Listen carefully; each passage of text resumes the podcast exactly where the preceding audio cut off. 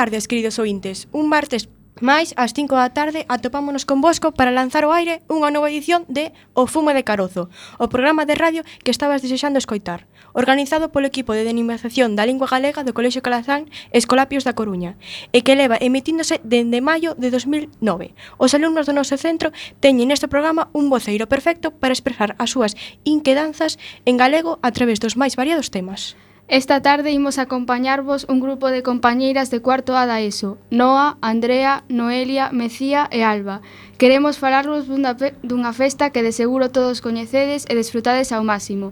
Estamos a falar da celebración máis famosa do outono, relacionada coas castañas, as cabazas e os defuntos, sendo os cativos os que máis se divirten, acadando a seu cúspide nunha noita na que as rúas enchen de fantasmas, meigas e os máis diversos espíritus, Hai moitos maiores que se unen á celebración porque seguen gardando ese necesario espírito infantil, época de lembranza dos que xa non están e da morte.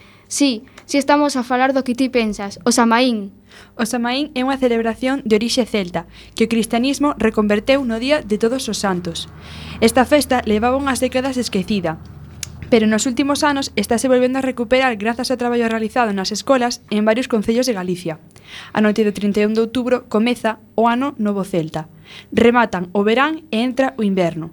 Nesta noite, as almas dos mortos atravesan a porta que separa o mundo dos vivos e dos mortos e visitan as casas das súas familias para quentarse e tomar algo de alimento. É a festividade de orixe celta máis importante do período pagán que dominou Europa ata a súa conversión ao cristianismo, na que, a noite do 31 de outubro ao 1 de novembro, servía como celebración do final da tempada de colleitas na cultura celta. Era considerada como o Ano Novo Celta, que comezaba coa estación escura, É tanto unha festa de transición, o paso dun ano a outro, como de apertura a outro mundo. A súa etimoloxía é gaélica e significa fin do verán. Foi practicada desde hai máis de 3.000 anos polos povos celtas que poboaron toda Europa.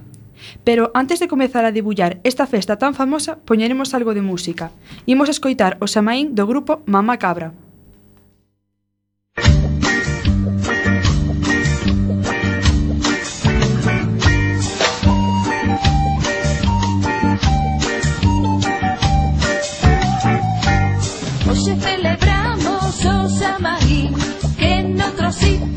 Llaman Halloween. Tumba por ahí, tumba por allá, tumba, tumba.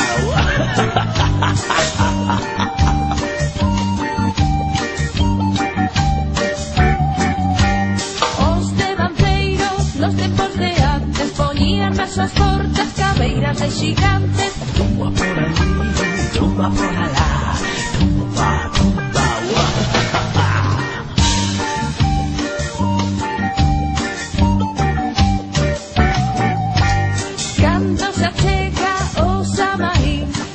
todo escuro, verán tengo seu fin.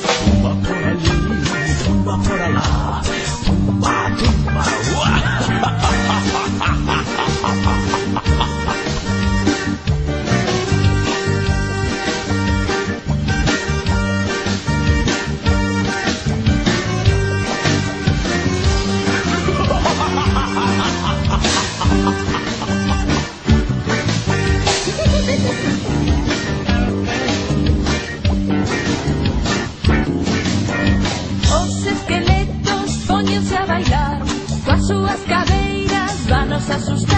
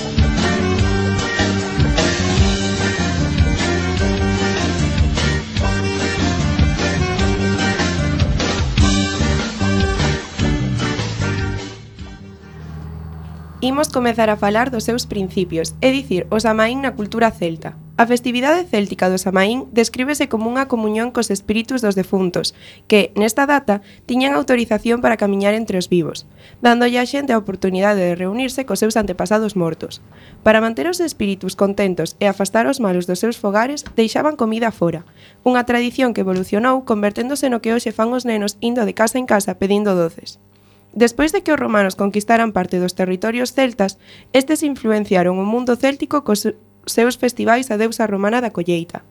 Máis tarde, os cristiáns cualificaron as celebracións celtas como unha práctica herética, destruindo baixo este pretexto gran cantidade da cultura, monumentos e tradicións celtas para afianzar o seu dominio político e social.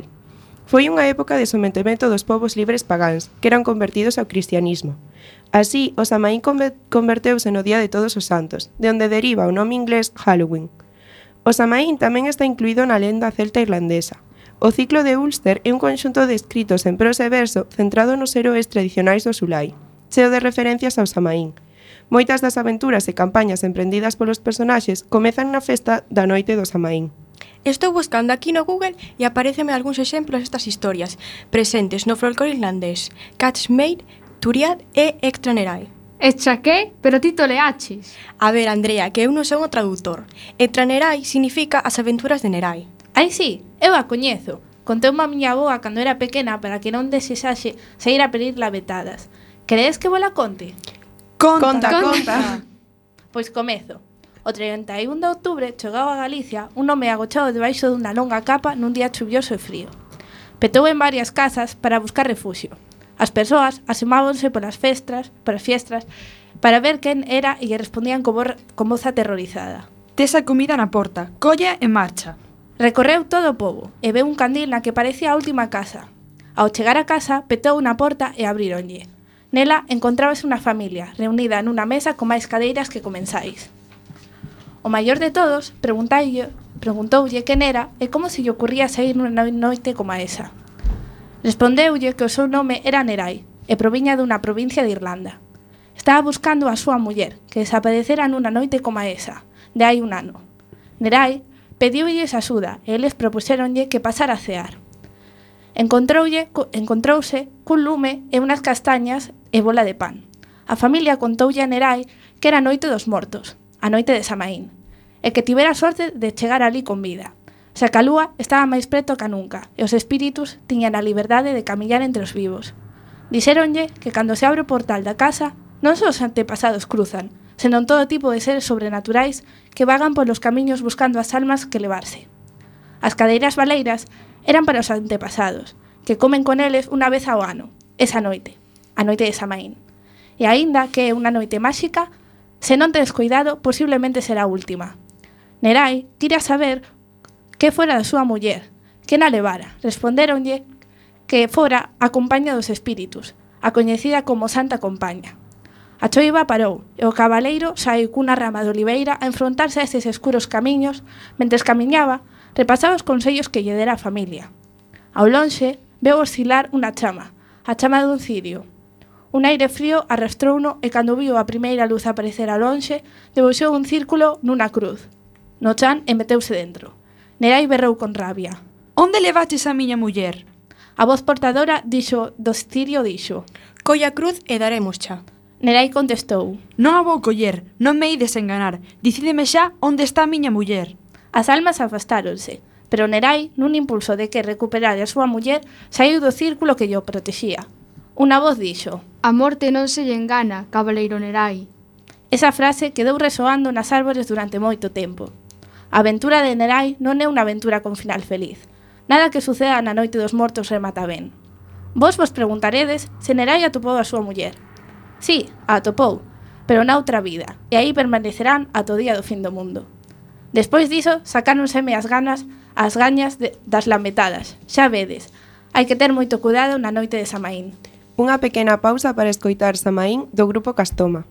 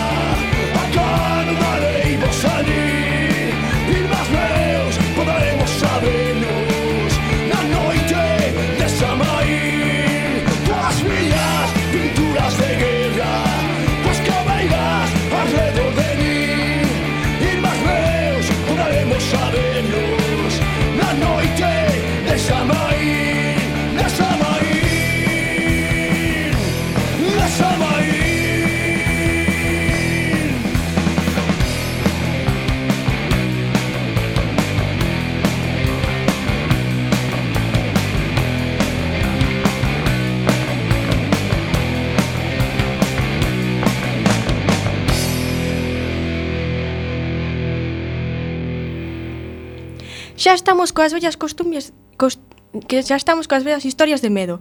Eu coñezo unha mellor e non asusta. É unha historia de Rafael López Loureiro, mestre da Escola de Cedeira, na Coruña, que foi o responsable de, de distribuir a tradición do Samaín e recomprobar que xa existía por Galicia até hai menos de 30 anos. Ademais, este estudoso analizou a relación da costume das cabazas co culto á morte e a semellanza coas tradicións irmás das illas británicas. Chámase Indo para o Samaín. Queredes escoitala? Pois, pois claro, claro, que pregunta. Uns nenos buscaban unhas cabazas para traballar, para tallar. Foron ao campo de millo e ali atoparon tres cabazas. Mirade ali, vedes o mesmo camín? Cabazas! Xa era hora. Co gallo da festa do Samaín non dábamos atopado ningunha. A grande pido eu. Con esta cabaza vou tallar unha cabeira arrepiante. Esta para min. Vou facer con ela un trasno trouleiro. Imos escachar coa risa. A cabaza que queda é moi pequecha. Colla, non hai tempo para buscar máis. Bo, se non serve pa nada. Non sexas parvo, xa verás como podes tallar unha boa cabeira. Só depende da túa imaginación. Mira que lista, se tanto che gusta, quédate con ela. Ti fuches o último. Pois eu non a quero, é pequecha, rabuda e retorta. Aí quedas, xa toparei outra. Bulide, que non se moita hora.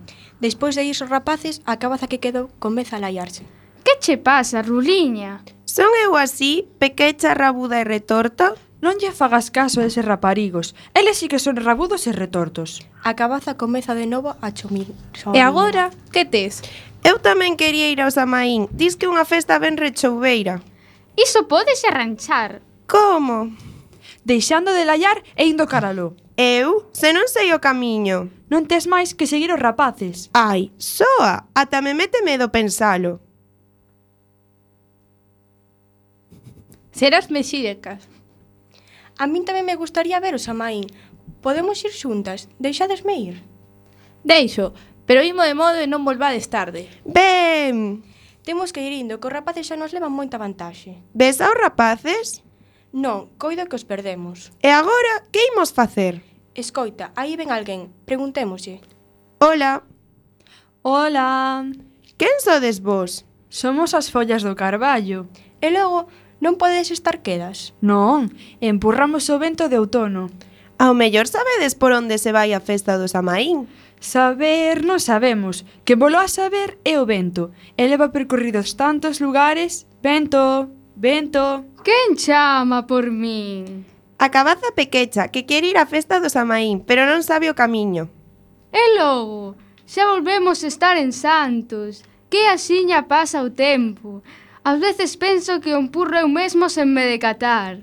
E de cara ao solpor. Atoparedes un souto grande. Ali volvede preguntar. Uh. Eu veño de aló. Se termades de min para que non me leve o vento. Vou con vos. Uh. Adeus. Vida tras miña, chegamos. Aquí non hai ninguén. Ai, que mágoa. Pensábamos que volveran. Quen? Os nenos que viñeron buscar castañas para o magosto. Timos tan mala sorte que de todas. Só se esqueceron de nós que estábamos agachadas nun obrizo. Pois nós queremos ir aló. De verdade? De verdade? Eh? E non sabedes por onde se vai? Nós somos novas, pero seguro que o castiñeiro coñece o camiño. Mas está a dormir e ten moito mal xenio cando desperta. Pois hai no que despertar de todos os xeitos. Esperta, vello castiñeiro, esperta! esperta por ourizos, pechos e castañas pilongas, quen chama por min? A cabaza pequecha, que quere ir á festa do Samaín, pero non sabe o camiño. Mmm, non queda lonxe. Baixades polo val e alí, na villa de Cereira. Tedes a festa. Ben, imos chegar con tempo. Nos queríamos estar coas nosas irmáns. Podemos ir con vos? Vide, moitas gracias, señor Castiñeiro. Pasalo ben. Adeus. Adeus. Adeus, a ves agora deixan dormir dunha vez. Imos para o Samaín, imos para o Samaín. Polo camiño apareceron dúas persoas que captaron a atención de todos, facéndoos quedar moi quedos para escoitar o que falaban entre eles. Xa non a faltar moito para chegarnos á festa. Pero avó, eu non teño cabaza. Non padezas por iso. Ímolo pasar ben de calquera xeito. Cantaremos, bailaremos e comeremos unha che de castañas asadas, requeixo con mel e papas de melón. Non vai ser o mesmo. Levo todo o ano a espera do Samaín e facíame tanta ilusión tallar a miña caba cabaira. Prométoche que o ano que ven... De súpeto o avó atopa a cabaza e... Está, este ano imos tallar a cabeira máis fermosa de toda a festa. Mira aí! Unha cabaza. E vai a cabaza. Está un chisco torta. Que diso? Imola adobiar e xa verás que ben queda. Levaron a cabaza. Xa o dicíamos nós que isto non ia sair ben.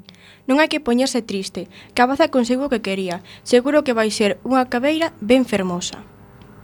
Pero xa non vai estar connosco. Imola botar tanto de menos. Veña, deixévos de leiras e andando. Ir tras deles? Claro, nós tamén imos a Samaín. Mirade, cantos rapaces veñen polo camiño. Estálo pasando ben? Estou. Isto do Samaín é moito máis divertido do que imaginara. E despois de rematar as pasarrúas, que se fai? Agora ben o mellor, imos papar. Ben, vou deixar aquí a miña cabeira que me pesa moito. Logo veño buscala. E eu que? Non me deixedes aquí soa? Mais non tan dor en ter compañía. Ai, que cabeira máis arrepiante. E que medo pon. Semella. Non pode ser. Que si sí son eu, parvas, fixadevos ben. Estás tan cambiada. Tes que nos contar todo o que che pasou. De súpeto apareceron uns rapaces e xa non puideron seguir falando. Uh, gusta vos a miña cabeira? Non é terrorífica? E o meu trasno non vos parece rebuldeiro? Mirade aquela cabeira. É impresionante. Oxalá fose miña. Pero ese non é... Moito se me parece aquela que deixaches no terreo. Xa che dicía eu que cun chisco de imaginación... Rabudo!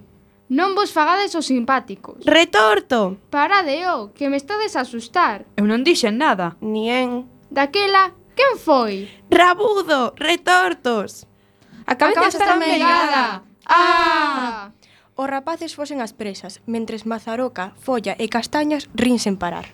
Foi estupendo. Como fixeches? Non o sei, estou tan abraiada como a vos. Se cadra, foi a máis da noite de Samaín.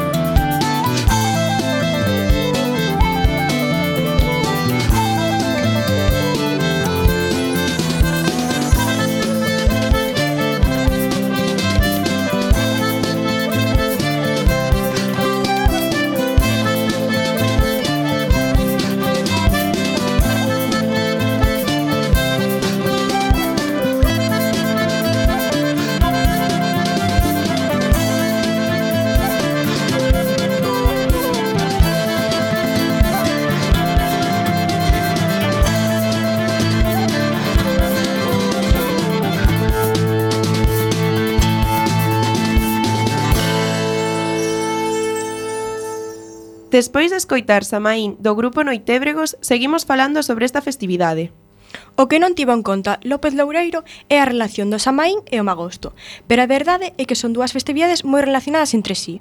O Magosto aproveitase tamén para apurar o primeiro viño novo, designa unha celebración festiva e popular, tradicional en toda Galicia, organizada en torno á recolla das castañas. O Samaín loce un colar de castañas e unha coroa de follas de outono, Ven silandeiro e acende as candeas, que iluminan o escenario da noite, na que as cabazas celebran a súa festa anual.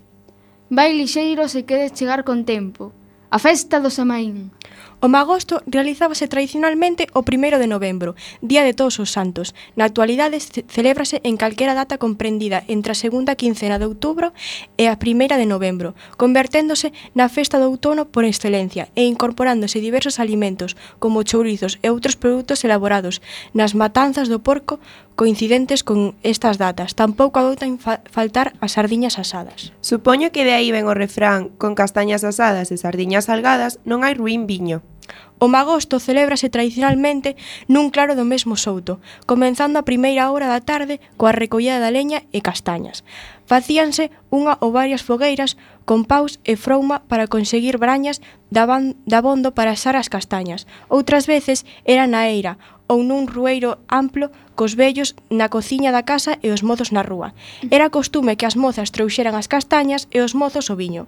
Noutros casos, os mozos achegaban todo e as mozas ían con bebidas. Aínda que había que picar as castañas antes de botalas nas brazas. Non faltaban quen botaba algunha enteira para que estoupese na cara de quen andaba a remexer, cousa que os participantes celebraban lanzando a turuxos ou dicindo o seguinte refrán. Fíxate nas castañas asadas, que se estoupan sairán xa cara. Por fin, no remate da festa, os máis rapaces xogaban a tirnarse coas mans cheas de feluxe mentres, que os mozos e adultos cantaban e bailaban, nalgúns casos saltando sobre o resto da fogueira. Hoxe en día asábanse nuns tambores metálicos colocados sobre o lume ou nuns tixolos especiais para este xuso. Xa o dio o refrán, as castañas do castiñeiro hai casar no asadeiro. Murguía relacionaba esta festa cos defuntos, que se celebraban no día seguinte, considerándoa un banquete funerario. As castañas simbolizarían a morte e o viño novo a vida. Mariño Ferro tamén escribiu que as castaña é símbolo de vida que combate a morte. De aí que a castaña apareza nos ritos funerarios. Sexa como fora, se se topou relación da castaña cos ritos funerarios e documentase desde antigo costume de asar castañas ese día. En calquera caso, existe coincidencia en considerar os magostos como unha festa de orixe pagá, relacionada coa fecundidade e o folclore do lume que marca o paso dos ciclos arrícolas a modo de simbolismo de peche do ciclo solar. Como aconteceu con outras festividades pagás, terminou sendo cristianizada asociándoa aos santos e defuntos ou a San Martiño de Tous. Como diría meu avó, castañas, noces e viño fan a ledicio do San Martiño. Existe constancia de algunhas prácticas supersticiosas relacionadas coa crenza de que o lume ten vida propia e un certo carácter sagrado. Nunca se debía cuspir sobre o lume, nin botar nel restos de comida ou calquera outra cousa. Non se debía matar o lume, senón que cumpría deixar que as brasas apagasen soas, pouco e pouco. Críase que as ánimas viñan quentarse a noite do, no rescaldo. Outros din que a castaña comida era unha alma que se sacaba do purgatoiro, e para que estas ánimas puidesen comer algo, sempre se deixaba algunha castaña entre as brasas. Tamén se celebran outras localidades do noroeste peninsular, como Asturias, Cantabria, País Vasco, León ou Zamora, mesmo en Cataluña. Tamén é unha festa moi popular en Portugal, co nome de Magusto, ao redor do día de San Simón, todos os santos ou San Martiño, Segundo Leite de Vasconcelos, o magusto é o resto dun antigo sacrificio en honor aos mortos e recolle a tradición de preparar, na medianoite, unha mesa con castañas para que as coman os mortos da familia. Ninguén máis tocaba esas castañas, porque se cría que estaban lambidas polos defuntos. Outra pequena pausa musical a cargo de Andrea Picos e Jesús Pareja. Sasana, O misterio chega con Samarí As cabezas, fesos morcegos Bruxas polo cero O misterio chega con Samarí Samarí O misterio chega co Samarí As casas os morcegos Bruxas polo cero O misterio chega co Samarí guacheano balcón, mil estrellas alrededor, bailan guaquelarre, osos emeros.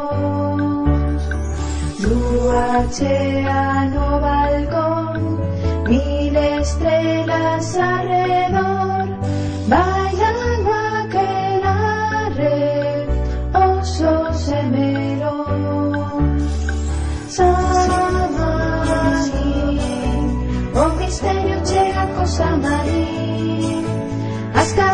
Rosas morcegos, bruxas polo ceo O misterio chega con Samaí Samaí O misterio chega con Samaí As cabazas os morcegos, bruxas polo ceo O misterio chega con Samaí As cabeiras a topar Nos cruceiros do lugar.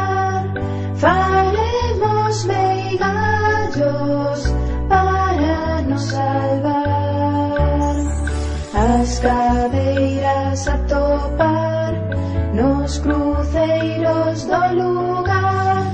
Faremos meigallos para nos salvar. Samamani O misterio chega con Samaní As cabezas os morcegos Bruxas por o feo O misterio chega con Samaní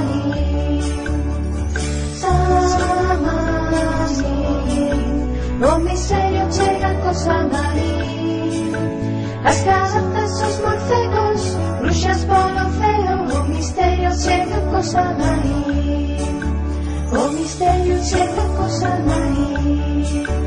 O misterio secos al marí. O misterio secos al marí. Como xa falamos antes, a forma máis tradicional de celebrar o Samaín é coa crenza de que os falecidos visitaban as igrexas e ermidas onde se celebraban misas para as súas almas. Nesta data, estas almas volvían ás súas casas para comer cos seus familiares e quentarse ao calor da lareira e así afastarse da tristeza dos cemiterios. Durante o Día dos Defuntos estaba absolutamente desaconsellado afastarse das aldeas, pois a relación dos veciños debía ser únicamente entre eles e os seus antepasados. Ademais, nas entradas das vivendas colocábanse doces para agasallar os espíritos. Esta última tradición evolucionou e converteuse no que hoxe se coñece como truco e trato.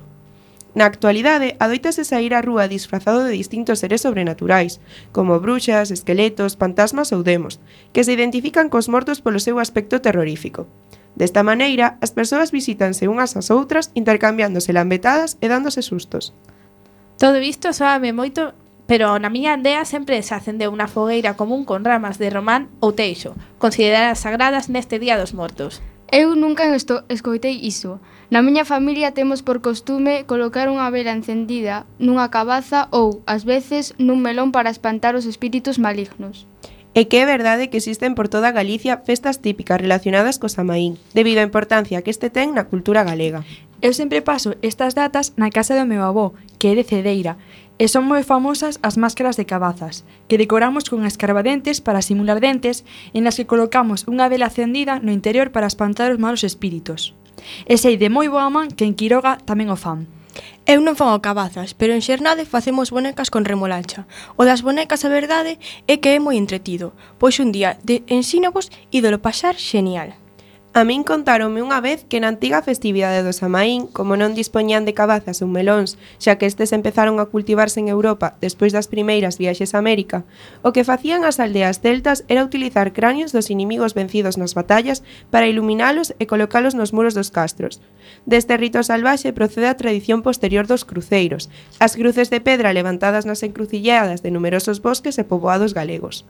Os cruceiros rodeábanse de amontoamentos de pedras chamados milladouros, cunha finalidade similar á das caveiras, e que aínda hoxe existe o costume entre viaxeiros e camiñantes de depositar ali unha pedra e solicitar un desexo aos espíritus que rondan no lugar. Pois de onde sou eu pois de onde son eu non facemos esas cousas tan macabras, pero vestímonos con, taxe, con traxes extravagantes e percorremos o casco vello con antorchas, deambulando a vez que asustamos aos demais. Despois, na madrugada, Facemos un desfile simulando a Sanda Contaña, que é unha lenda sobre a procesión de ánimas que discorre dende as 12 da noite co propósito de avisar a aquelas casas nas que a breve morrerá alguén. Antes deste desfiles tamén facere, facemos significativos bailes. Catas cousas facedes, case non tedes tempo para estudar para os exames. Pois se iso che parece moito, espera a que remate porque tamén facemos espectáculos de lume, malabares, mercados de pulgas, varios espectáculos máis cun convenio de bruxas e para rematar ben o día facemos unha feira gastronómica onde non faltan os sabores típicos do outono, como as castañas. Iso sí que é vivir o Samaín.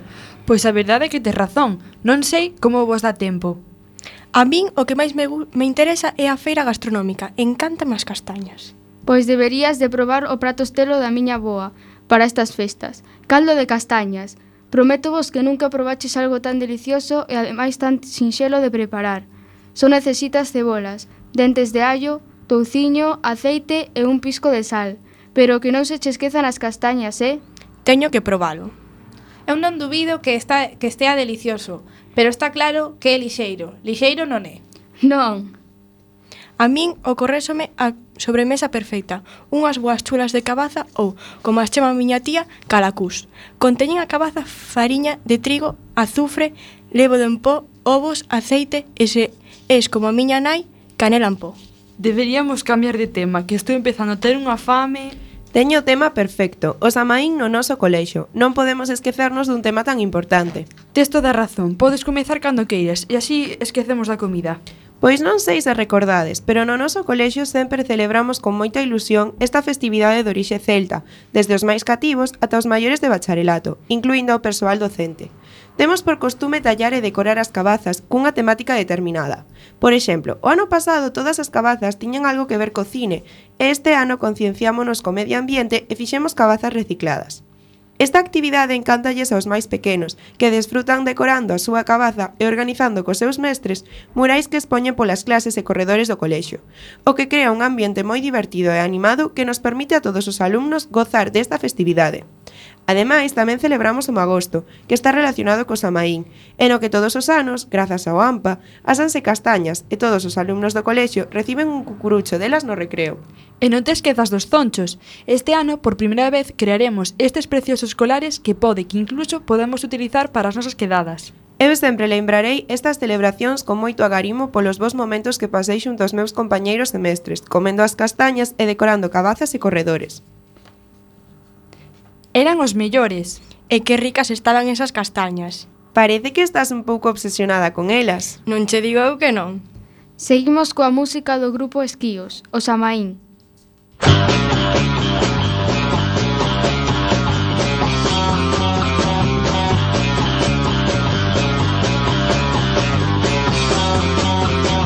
Cando a folla está caendo, cando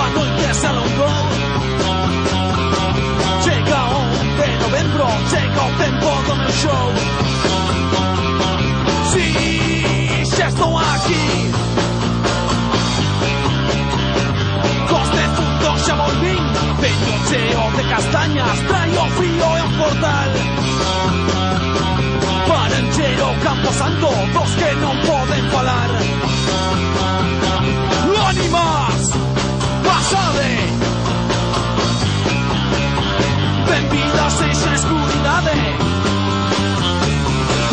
bajo Camposanto. Llegaremos a mí, tanto está la inferno. Ya llegó Rosamaí, ya llegó Rosamaí.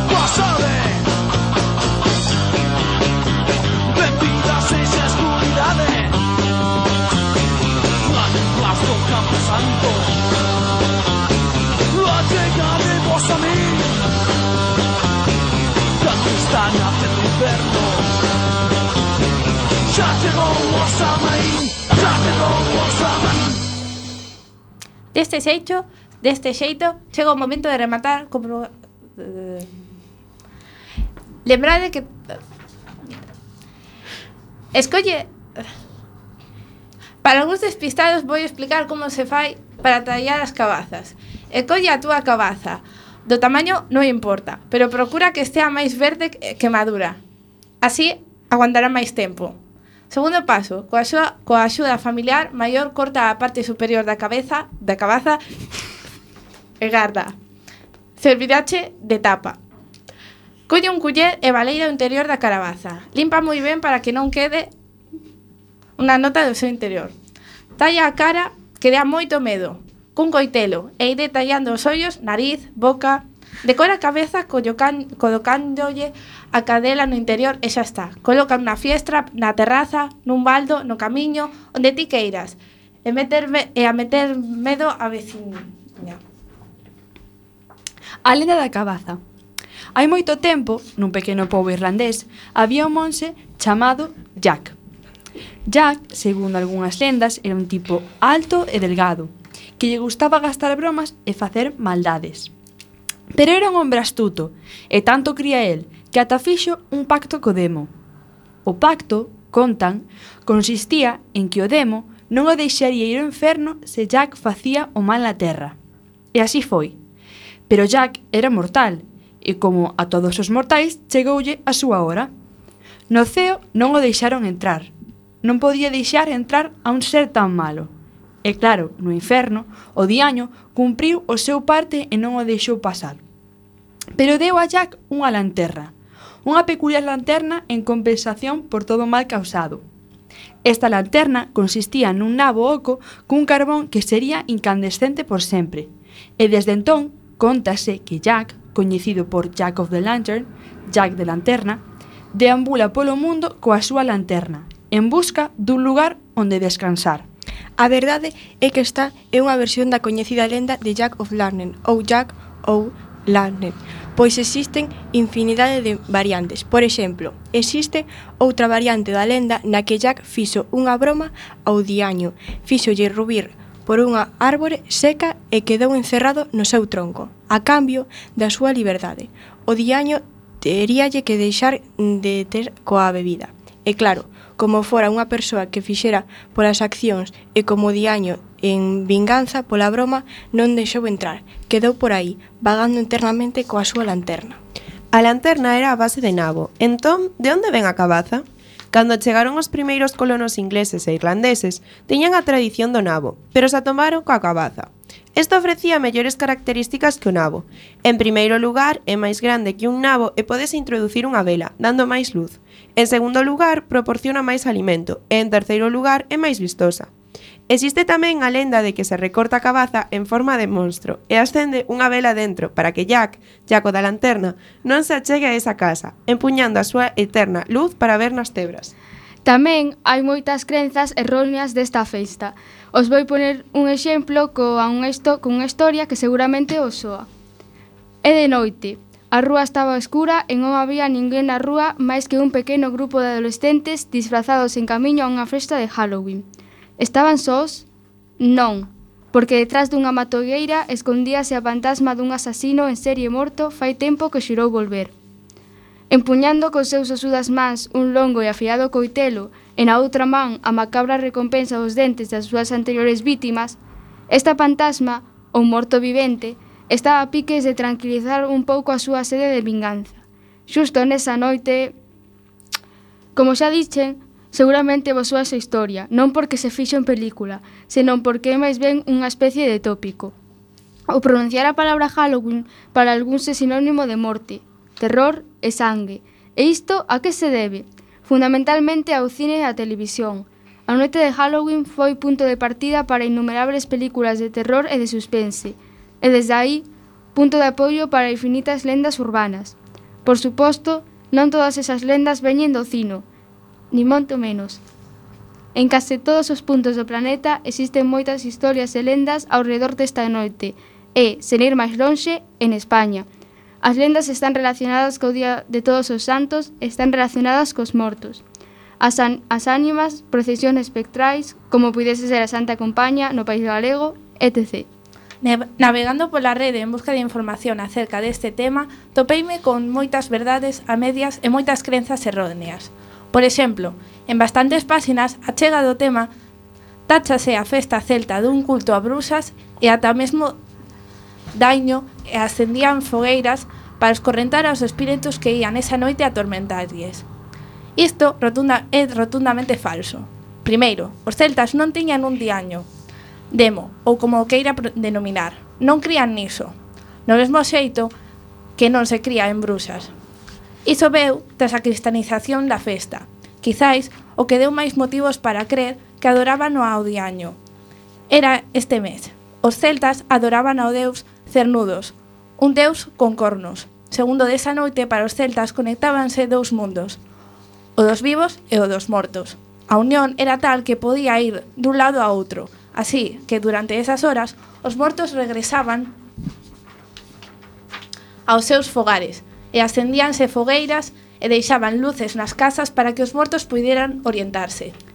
Outra desas crenzas erróneas, quizáis a máis actual, é a realización de rituais druídicos nesta data. Estes actos son realizados polas aso asociacións neodruídicas que celebraban as súas principais festas este día, e xeralmente os solsticios e equinocios. Pois ben, Os druidas celebraban os seus rituais 40 días longo destas datas. Con isto, só digo que os que crean que os druidas realizaban os seus ritos nestas datas están equivocados. Ata agora centrábamos case exclusivamente na festa americana e celta, pero en outros outros países do globo celebrase tamén esta festa, naturalmente con outras tradicións. Destacaremos que esta festa vívese con particularidade en toda América do Sur. Centráronos en México. Alí existe unha verdadeira devoción cara aos mortos, pero se respira un aire máis festivo. Nese día, do mesmo xeito que ocorre en España, os familiares van aos cementerios a recordar aos seus antepasados, portando ramos de flores, pero aquí varía un pouco.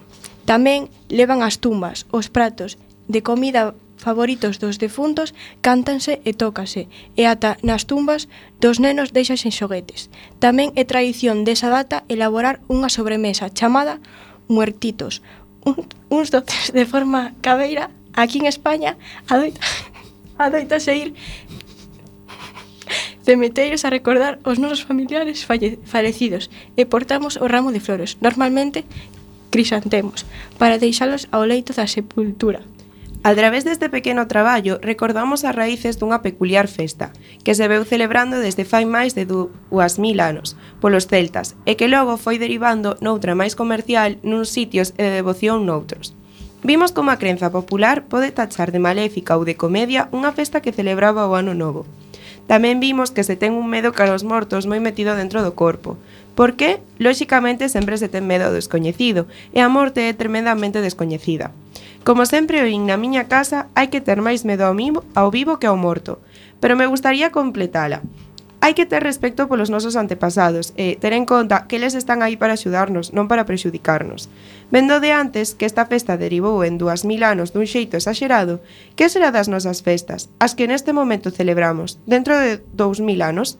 Pareceránse, pareceránse en algo? Iso, queridos amigos, quizáis se pregunten as nosas futuras xeracións. Agora vamos facer unha pausa musical coa canción du Chamando as portas dun mundo alleo do grupo Duadram. Música